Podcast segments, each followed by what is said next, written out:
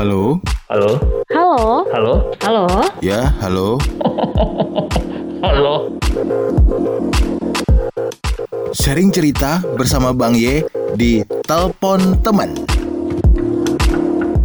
Hai, apa kabar kawan-kawan Bang Ye? Ketemu lagi di podcast Telepon Teman Bang Ye. Udah hari Senin, itu berarti kita jelajah Indonesia lagi. Kalau Senin lalu Bang Y udah ke Jawa Barat alias ke Kota Kembang, Kota Bandung.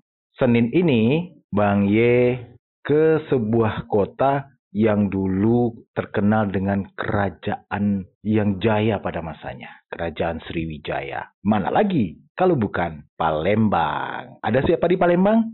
Hayo kita telepon.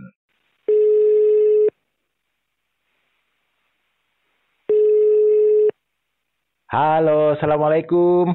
Waalaikumsalam Bang Ye, apa kabar nih? Alhamdulillah. Yuk Lydia, apa kabar? Alhamdulillah sehat sama keluarga di sini di Palembang. Alhamdulillah. Kalau minggu lalu Bang Yu udah ke Bandung, sekarang balik lagi ke Sumatera nih, ke Ke Palembang. Sumatera, sama-sama Sumatera nih ya. Sama Sumatera. iya, saya kayaknya punya pantun deh Bang Ye. Ada pantun khusus untuk, untuk podcastnya Bang Ye nih. Asik, siap, siap, siap, siap. Iya, jadi gini pantunnya ya. Oke. Presiden ke-6 Pak SBY datang kunjungan ke Kota Kembang. Jumpa kita dalam podcastnya Bang Ye bersama Lydia dari Palembang. Asik. Asik. Waduh. Iya. Kayaknya kayaknya eh, apa eh, dari kita pertama ketemu di Diklat nih. Yuk Iya. Lydia ini kan memang eh, apa ciamik dan piawai banget eh, berpantun ya. Karena kayaknya hobi kita ya, hobinya Kak Lydia itu ya memang sukanya pantun kayak gitu. Karena pantun itu adalah sebuah tradisi yang harus memang kita lestarikan. Ini kan merupakan tradisi budaya dari Melayu gitu kan. Jadi kalau kita nggak lestarikan siapa lagi dong? Benar benar benar. Gitu. Benar. Cuma gini yuk, kalau boleh berbagi nih, Mm-mm. pantun itu apakah cuma apa orang-orang Melayu yang punya? Pantun itu sih memang kebanyakan sih sebenarnya itu merupakan tradisi dari orang-orang Melayu dari dulu kan eh, dari zaman dulunya memang itu punya tradisinya orang-orang Melayu makanya kalau kita lihat eh, sebagian dari orang-orang Melayu biasanya men, apa me- mempopulerkan yang namanya pantun. Nah termasuk juga di kota Palembang. Oh begitu. Berarti di Mm-mm. Palembang budaya pantun itu juga sudah tradisi lama ya? Sudah tradisi lama dan itu kan eh, satu akar budaya bangsa kita yang harusnya kita lestarikan begitu. Oke. Nah untuk bisa berpantun itu perlu belajar khusus nggak sih yuk? Soalnya kan kalau dilihat tadi lancar amat pantunnya gitu ada dapat dapat aja kata-katanya itu perlu pelajaran atau perlu dipelajari secara khusus nggak? Sebenarnya gini loh Bang sebenarnya asal kita mau kita tuh punya kemampuan semua loh. Yang Hmm. pasti kalau kita eh, mau membuat eh, pantun, kita kan harus yang paling utama tuh apa sih yang pengen kita sampaikan. Dalam arti kata itu adalah isi pantun. Hmm. Setelah isi pantun kita tahu, isi pantun itu kan biasanya dua baris eh, yang di bawah ya. Artinya Ya. kan itu kan empat baris kan, empat baris. Baris satu, baris dua itu sampiran. Ketiga, baris keempat itu adalah isi. Nah, jadi kita kita ko- konsen dulu pertamanya itu kepada isinya dulu. Kira-kira Bang Gi mau sampaikan apa nih gitu kan? Hmm. Oh, ini pesan yang mau aku sampaikan kayak gitu kan untuk di Pak di apa di baris ketiga sama baris keempat. Nah, nanti tinggal mencari sampirannya di baris ke satu dan baris kedua. Nah, kalau untuk bela- belajar secara khusus, kalau untuk Lydia pribadi sih sebenarnya nggak ada belajar secara khusus begitu. Tetapi suka lihat, kata suka suka lihat orang-orang dulu gitu kan dari neneknya kali dia sendiri suka suka pantun, keluarga kali dia juga suka pantun kayak gitu kan. Jadi kali dia belajar dengan sendirinya otodidak seperti itu ya. Nah, tetapi yang pasti eh, untuk kita bisa berpantun, membuat pantun dengan bagus, dengan baik, itu yang paling utama adalah kita harus punya kosakata yang banyak. Hmm. Jadi perbendaharaan kata itu penting sekali nih Bang Ye. Hmm, Jadi itu yang hmm. itu yang menjadi kunci dasar sehingga kita bisa tentunya mengolah pantun itu sesuai dengan apa yang kita inginkan.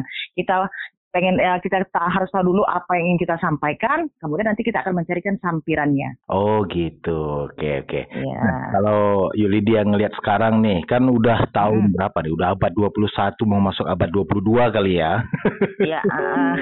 Nah, eh, Ah. dilihat dari perkembangan zaman, ketertarikan orang terhadap pantun kayak apa sih masih banyak kah atau mulai berkurang gitu? Uh, kalau di Palembang sendiri ya, kalau ini di, di Palembang sendiri ini yang apa kali dia rasain gitu ya. Uh, kayaknya malahan orang malahan tertarik dan minat begitu dengan dengan pantun itu sendiri. Kenapa? Uh, sekarang ini malahan acara-acara yang berbau, berbau adat yang memang melestarikan pantun itu malahan di apa ya menjadi sesuatu yang seakan-akan dibanggakan nih di masyarakat seperti itu.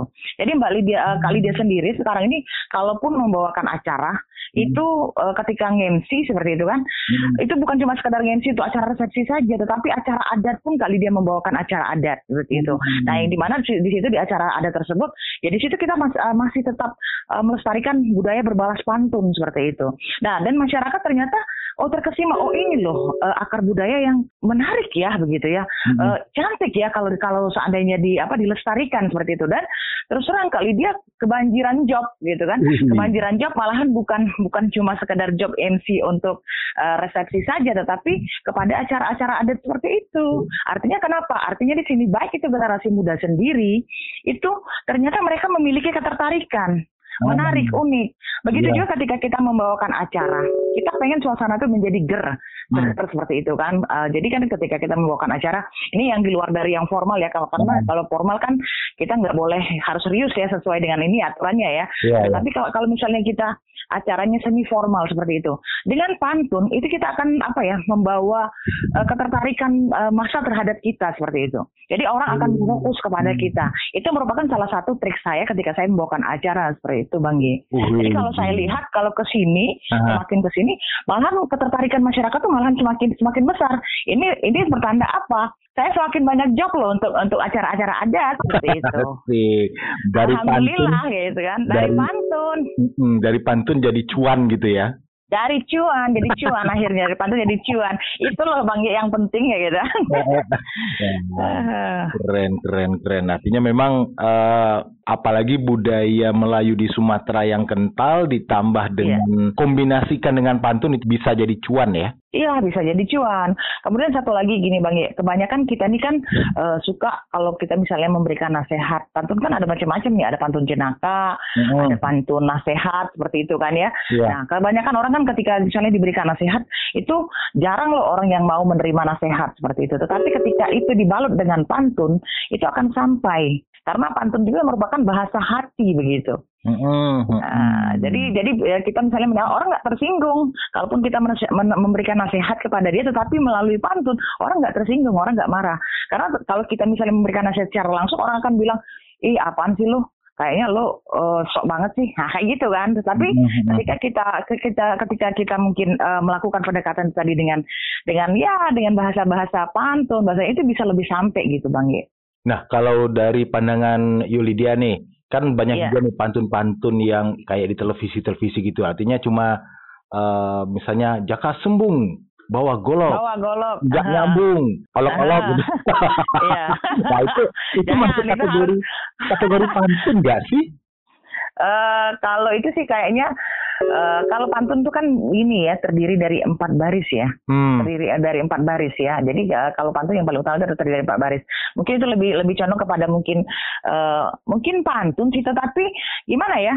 Karena dia cuma dua baris kan, yeah. kita sembung bawa golok nggak nyambung. Jadi titik gitu kan. Nah, memang pesannya juga sampai kayak gitu. Tetapi kalau yang namanya pantun seperti itu itu terdiri dari uh, empat baris di mana dua dua di atas itu sampiran dan dua di bawah itu adalah uh, isi, isi. daripada pan, uh, dari pantun itu sendiri seperti itu. Tapi nggak apa-apa juga sih uh, bermula dari itu sebenarnya artinya uh, sudah ada kecintaan dari masyarakat untuk tetap melestarikan pantun seperti itu. Latihan-latihan kita ya. Iya, tinggal dibenahi lagi seperti itu. Wih, berarti kalau untuk orang-orang yang mau belajar pantun dari pantun-pantun yang setengah pantun pendek itu boleh lah ya. Untuk boleh lah ya.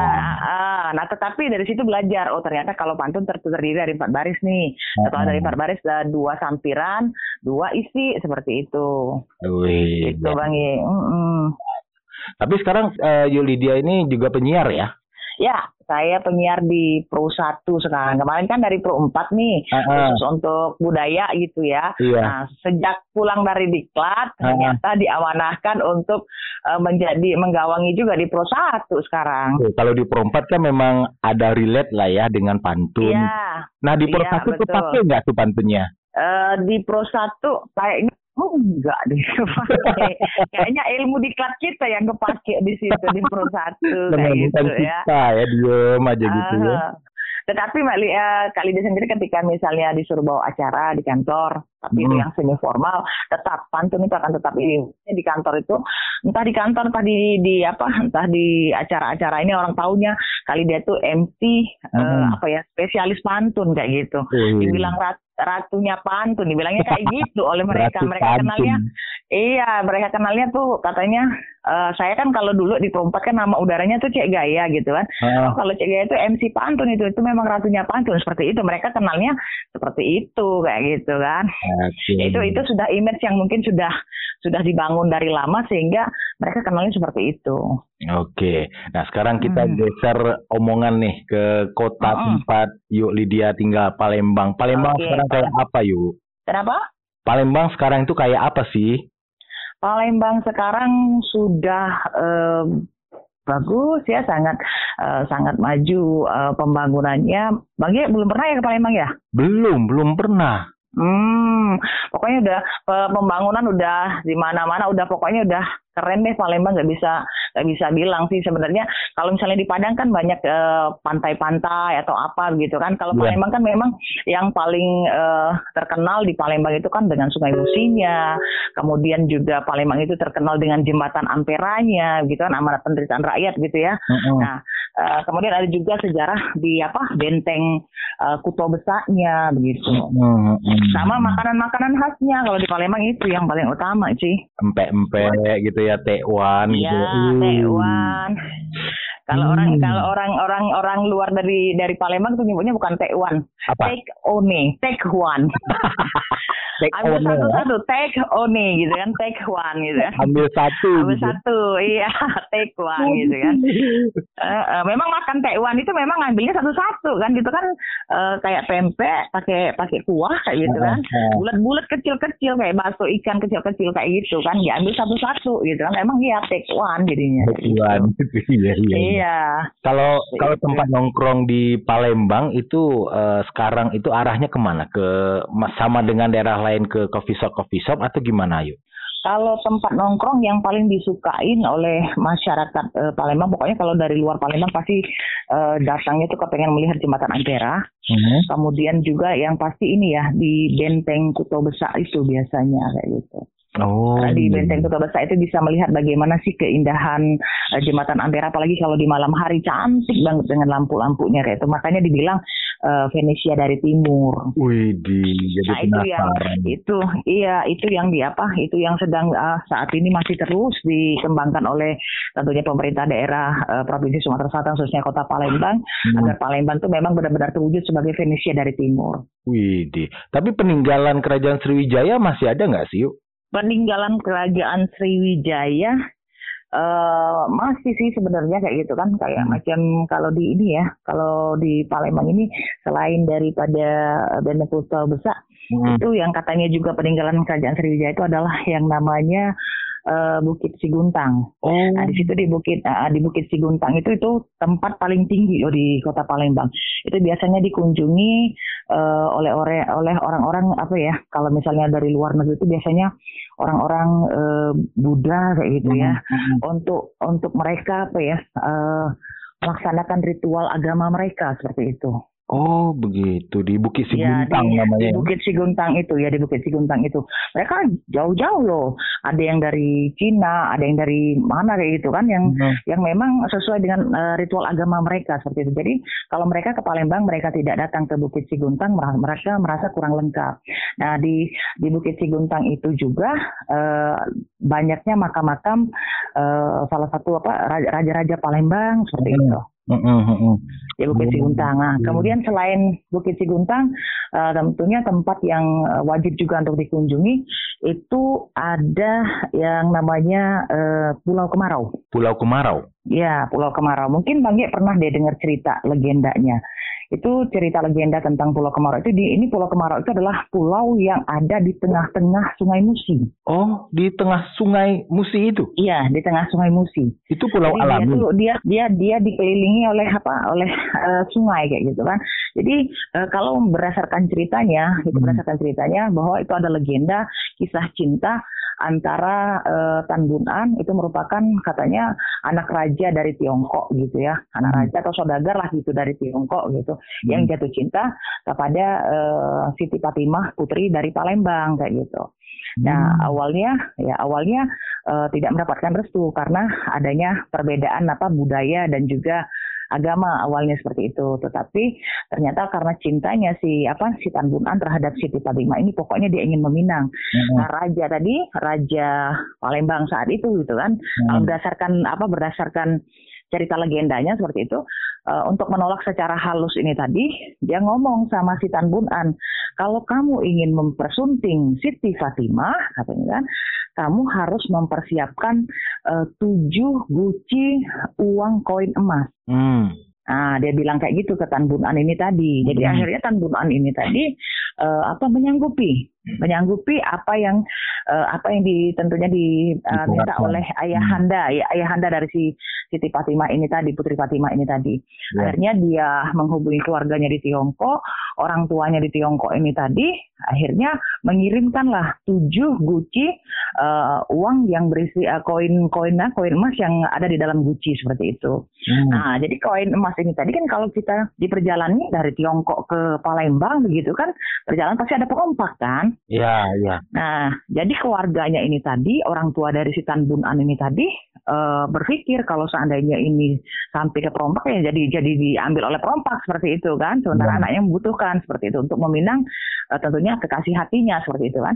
Jadi oleh orang tuanya ini tadi eh, di dalam guci itu, guci dimasukin dalam kayak peti-peti kayak gitu kan. Nah, Mhm. kemudian ditutupin dengan ini Bang Ye di di kamuflase dengan sayur-sayuran dan ikan asin. Tuh, kayak penyelundupan berarti ya. Aha, seperti itu gitu kan. Jadi Iya, iya. orang dulu udah udah udah canggih juga gitu kan pikirannya gitu kan, udah canggih juga gitu kan. Ya. Jadi ditutupin kayak gitu kan pakai itu, pakai eh, asinan, kemudian pakai sayur-sayur kan ikan Iya. asin. Jadi kan ya perompak juga mungkin ketipu kayak gitu kan. Akhirnya selamatlah Guci ini Hmm. tadi sampai ke eh, tentunya ke Palembang begitu. So ketika sampai ke Palembang, Tan Bun An periksa yang kiriman dari orang tuanya dari Tiongkok ini tadi. Marahlah Tan Bun An. Dia Mm-mm. pikir orang tuanya ngerjain dia kayak gitu kan karena kenapa di dalam guci-guci itu di atasnya tuh ya isinya tuh ikan-ikan asin kayak gitu kan Iya. karena karena marah Tan Bun An ini tadi tanpa periksa lagi dia marah dilemparkannya lah yang guci-guci ini tadi ke Hmm. dalam sungai Musi dilemparkannya ke dalam sungai Musi gitu kan ada enam guci nah ketika guci yang ketujuh ketika guci yang ketujuh mau dilemparkan ke sungai Musi Hmm. Tan Bun An tersandung pecahlah guci tersebut Ya. Baru di situ kelihatan berhamburan lah uang-uang apa koin-koin emas tadi kayak gitu kan.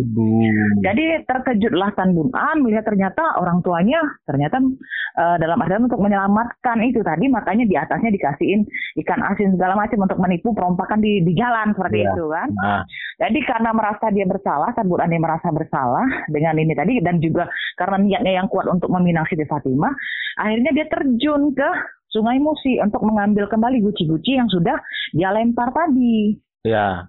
Nah, dia ketika dia terjun, nggak timbul lagi nih Tan Bun An. Oh, Siti tenggelam. Fatimah melihat tenggelam. Akhirnya Siti Siti Fatimah ketika melihat eh, sang pujaan hati ini tadi nggak nggak muncul lagi ke permukaan, dia pun ikut terjun. Nah, Hmm. tetapi ketika terjun dia sempat ngomong sama apanya ya, sama kalau kata kata kita tuh dayangnya gitu ya. Nah, Dia bilang kalau seandainya apa kalau seandainya ketika saya terjun jenazah saya tidak ditemukan, maka di situlah makam kami. Dia bilang kayak gitu ya. sama ininya. Makanya dia terjun juga. Ketika dia terjun, dia nggak Hmm. nyongol lagi.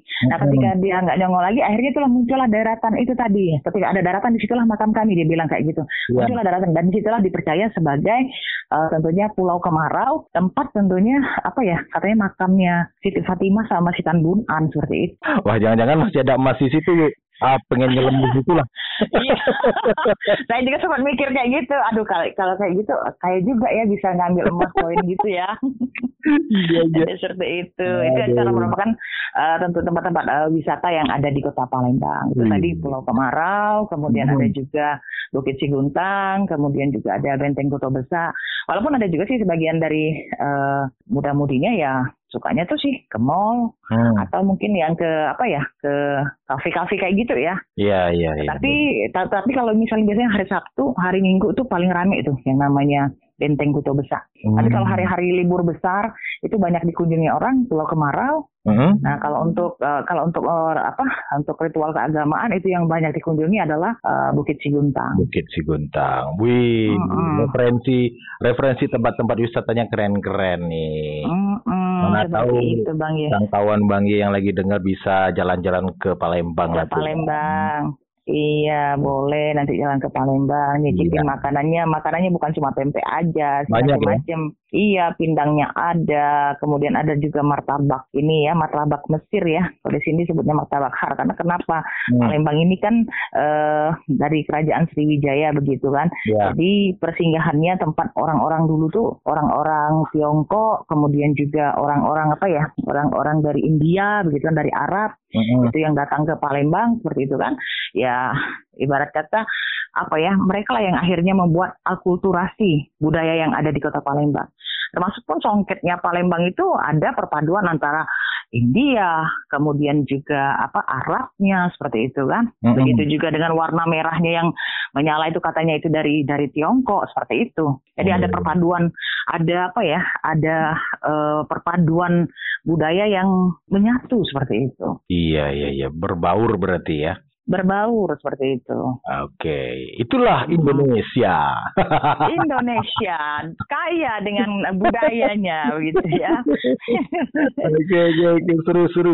Oke deh, kalau gitu eh, kita masuk ke sesi kedua yuk. Namanya empat tanya satu nyata. Ah, Tempat apa? Tempat tanya? empat tanya Mm-mm. satu nyata. Hmm, tempat tanya satu nyata. Oke. Jadi Ini kalau gimana? maksud, Mhm. maksudnya begini, ada empat buah pertanyaan yang akan Bang Yi Mhm. tanyakan ke Yuk Lydia, dijawab secara spontan. Mm-mm. Terus ada satu nyata, satu nyata itu satu pernyataan, satu quote, satu kalimat mutiara boleh pakai bahasa daerah, boleh pakai bahasa Mm. Indonesia, silakan. Tapi kalau Mm. misalnya pakai bahasa daerah, mohon diterjemahkan dan maksudnya apa biar yang mendengar juga paham, gitu. Oke, oke, oke, boleh. Oke, ready ya? Iya, boleh. Sip, pertanyaan pertama. Dua kata tentang profesi. Dua kata tentang profesi. Yes. Iya. Eh, penyiar. Eh, penyiar adalah profesi yang luar biasa. Itu Oke, itu itu, saya. itu lebih itu satu kalimat yuk. Oh, satu kalimat, dua Dua kalimat ya. Dua kata aja, dua kata. Dua kata. Ya. Dua kata aja. Eh, tentang profesi ya. Tentang Yes. profesi. Oke. Eh, penyiar smart dan apa ya? Smart dan lugas ya. Smart, lugas. Lugas, iya. Smart dan lugas. Oke, sip. Mm-mm. Masuk ke pertanyaan kedua. Ya. Dua kata tentang pasangan. Tentang pasangan. Yes, Mm-mm. Cinta, sayang. asik. Romantis nih. iya deh. Oke, lanjut ke Ah. pertanyaan ketiga ya. ya. Dua kata tentang daerah asal. Eh, Venesia Timur. Venesia Timur. Ya. Oke. Pertanyaan terakhir, pertanyaan keempat. Ya. Mhm. Dua kata tentang kehidupan. Hidup perjuangan eh sebentar ya, apa ya? Hidup adalah perjuangan. Itu aja. Hidup dan perjuangan gitu ya. Iya, hidup dan perjuangan. Oke, kita lanjut ke satu nyata atau sebuah kalimat atau quote dari seorang Kak Lydia. Hmm. Baik, boleh pakai bahasa Palembang, bahasa daerah, tapi nanti mau diterjemahkan atau pakai bahasa Indonesia juga boleh. Silakan. Ini maksudnya quote-nya ini eh, apa? Nasihat atau apa nih, Basi? Sama- Terserah, Eh, terserah ya? bebas. bebas. Bebas ya. Ya, ya. Oke, oke. Ketika kamu mencari kesempurnaan pada eh, diri manusia, kamu tidak akan menemukannya. Semakin kamu mencari kesempurnaan pada diri manusia, maka Tuhan akan menampakkan bagaimana kekuranganmu. Wih, mantap. Terima kasih Lydia sudah Iya. berbagi di podcast Bang Y. Ini saya kasih pantun lagi ya. Oh, boleh, boleh, boleh, boleh. Ini Sangat pantunnya ditunggu. ada berapa nih? Ini pantun ada berapa udah disiapin nih. Oke. Jalan-jalan ke pantai Mutun, naik sampan berbahan kayu. Marilah Cakep. kita lestarikan budaya pantun, hasanah budaya orang Melayu. Cakep. Indah permata di atas mahkota dipakai oleh raja sejati. Hilap saya dalam berkata, tolong maafkan setulus hati. Cakep. Burung irian, burung cendrawasih, terbang melayang tinggi sekali. Cukup sekian dan terima kasih. Lain kesempatan undang kembali. Asik. Asik. Oke deh. Terima kasih Lydia atas waktunya. Sama-sama Bang Ye, sama-sama senang bisa bincang-bincang di podcastnya Bang Ye ya. Semakin Terima sukses kasih. dengan podcastnya, Terima semakin kasih. sukses dengan karirnya juga Bang Ye ya. Terima Salam buat kasih. keluarga. Salam juga buat keluarga. Terima kasih juga buat pantun-pantunnya. Sama-sama. Assalamualaikum yuk. Waalaikumsalam warahmatullahi wabarakatuh. Halo? Halo? Halo, Halo? halo. Ya, halo. Halo? Sharing cerita bersama Bang Y di Telepon Teman.